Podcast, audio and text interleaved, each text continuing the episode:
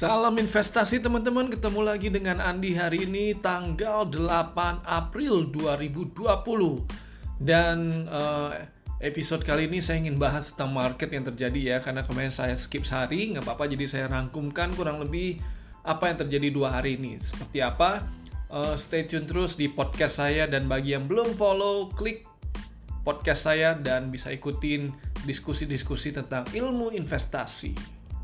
Oke, jadi hari ini bursa Asia sebenarnya agak mix. Ada beberapa yang uh, hijau juga seperti Jepang, ada juga yang minus seperti Indonesia dan Singapura. Jadi overall masih mix lah ya. Um, yang jeleknya adalah di ISG sendiri. ISG hari ini ditutup um, angkanya itu minus 3,18%. Kalau LQ45-nya itu minus 4,39%. Jadi teman-teman seperti biasa kita, saya yang seperti saya sampaikan um, di episode yang lalu, kayaknya kita harus tetap waspada kan. Terjadi juga buktinya hari ini uh, saya ingat ke banget tuh kemarin dibuka plus naik 3% tapi akhirnya tutup minus 1% lebih juga. Jadi uh, saya melihat bahwa asing nih uh, masih ada anomali yang agak sedikit aneh yaitu asing masih tetap uh, net sell off itu masih net sell dia. Apa yang uh, apa yang terjadi ya? Mungkin uh, sedangkan kalau saya lihat uh, memang si berita yang paling kemarin itu ter, yang paling uh, paling penting adalah terkait dengan cadangan devisa kita yang turun. Sekarang cadangan devisa kita itu per Maret sekitar di 121 uh, miliar US dollar ya, turun sekitar hampir 10 miliar lah uh, di bulan Februari itu posisinya sekitar di 130 miliar US dollar. Nah, kalau menurut saya um, ini ketika asing masih keluar di pasar modal sehari itu kurang lebih hampir 400 sampai 350 sampai 400 miliar lah sehari asing net sell. Jadi menurut saya pemerintah juga uh, ada uh, pemerintah juga menggunakan sebagian cadangan devisa ini untuk menjaga rupiah mungkin juga ini terkait dengan ada beberapa uh, beberapa asing berapa portion sih asing keluar juga di di obligasi. Kalau kita lihat obligasi sekarang yieldnya yang 10 tahun benchmark mungkin sudah di sekitar 8,1 8,2an untuk yang 10 tahun ya. Jadi menurut saya ini uh, pemerintah uh, melakukan intervensi nih. Dia dia menggunakan sebagian cadangan devisanya untuk mengintervensi market dan terbukti uh, rupiah kita menguat ya. Anehnya kan? Aneh kan? Anomali kan? Ketika sahamnya kita uh, melemah bondsnya kita melemah malah malah US-nya menguat. Nah kalau menurut saya sih sekilas ini seperti kurang lebih ada intervensi dari pemerintah terkait dengan rupiah kita sekarang di posisi 16.150 dan uh, kemarin juga akhirnya pemerintah akan menetapkan khususnya DKI Jakarta akan menetapkan uh, eh, PSBB. Jadi pembatasan sosial berskala besar ya mulai 10 April lusa jadinya.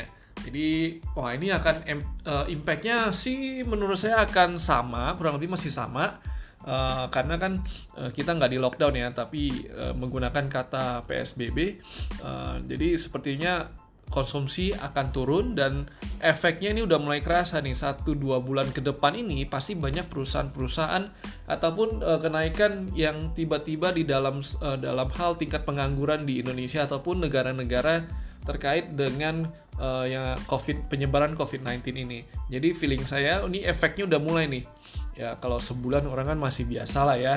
Uh, industri industri masih bisa adjust sebulan. Tapi kalau udah dua bulan, tiga bulan, 4 bulan dan ini akan masuk ke bulan lebaran yang di mana sektor-sektor um, sektor-sektor retail ini biasanya nih mengalami kenaikan ini penjualan retail harusnya naik naiknya luar biasa. Tet tetapi mungkin karena COVID-19 ini dan pemerintah menghimbau untuk tidak dilakukan mudik uh, untuk jadi ya kalau dianggapannya ya disarankan jangan mudik dah gitu Nah, itu itu yang negatif, tapi yang positif kita melihat bahwa data-data di uh, beberapa negara seperti Amerika Serikat menurutnya sih puncaknya sih udah lewat. Jadi grafiknya udah mulai menurun. Tapi di Indonesia tetap aja dia masih tinggi. Jadi mungkin itu juga sih yang menjadi salah satu penyebab uh, asing masih uh, net sell di capital market Indonesia. Karena belum uh, belum terlalu yakin. Tapi begini teman-teman saya belajar satu hal yang menarik uh, belakangan ini. Jadi menurut saya um, bear market ataupun uh, penurunan itu uh, tidak akan terjadi lagi ya uh, kurang lebih di angka average-nya sekitar 40%. Jadi ada beberapa sumber informasi seperti JP Morgan dan uh, research research yang lain mengatakan bahwa rata-rata ketika terjadi krisis kita ambil average-nya dalam kurun waktu 100 tahun uh, 100 tahun terakhir itu kurang, kurang lebih uh, mereka average krisis itu indeks IHSG itu turun ataupun di S&P ataupun di Dow Jones itu turunnya 40% ya dan kalau udah uh, men, me, apa menyentuh angka 40% biasanya akan terjadi technical rebound. Nah, apakah ini bentuknya sementara reboundnya ataupun uh, jangka panjang? Kita kalau menurut saya masih sementara karena saya belum melihat ada fundamental yang kuat khususnya di Indonesia dan di uh, di negara-negara lain terkait dengan penyebaran dengan COVID-19 ini impactnya kan belum belum kerasa nih masih kita ngejalanin uh, himbauannya aja kan semi lockdown, PSBB dan lain-lain. Jadi uh, saya tetap encourage teman-teman untuk empat uh, di skema 442 yaitu 40% saham, 40% obligasi dan 20% di pasar uang. Jadi teman-teman kalau dalam segi pemilihan saham, teman-teman bisa memilih saham-saham yang sifatnya utility. Uh, contohnya telekomunikasi di sana ada uh, kemudian ada Telkom, ya kan, ada PT uh, XL, Indosat dan lain-lain. Kemudian yang sifatnya teknologi yang uh, yang lebih ke arah um, healthcare dan farmasi. Nah, itu juga wajib dikoleksi tuh khususnya untuk uh, ke depannya ya. Walaupun saya lihat tuh kenaikannya sudah sudah cukup besar dari penuh uh, sudah kembali ke awal ke awal year to date-nya atau bahkan beberapa saham uh, farmasi itu sudah di atas awal tahun sih. Jadi itu udah naik. Tapi ke depannya menurut saya masih ada potensi karena nanti begitu uh, vaksin COVID COVID-19 ini udah ditemukan, berarti biasanya kan harus ada yang memproduksi dan obat-obat ini kan semakin besar penderita COVID-19 harus diberikan obatnya.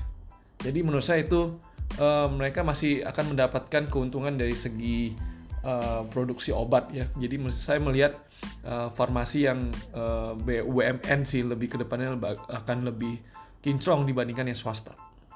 Oke, okay, kalau itu selain itu kan teman-teman juga bisa berinvestasi di saham-saham yang sifatnya um, perbankan, tapi ya hati-hati karena perbankan yang survive dalam kondisi begini ini biasanya nih perbankan yang top 5 top 5 perbankan di di Indonesia. Dia turunnya mendingan dibandingkan perbankan yang lain.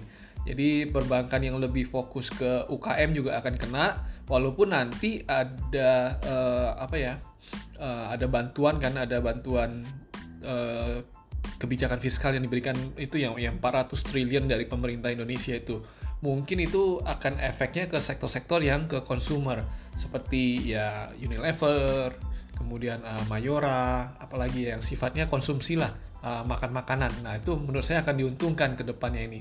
Makanya kalau teman-teman uh, harus jeli memilih sektor belakang ini ya.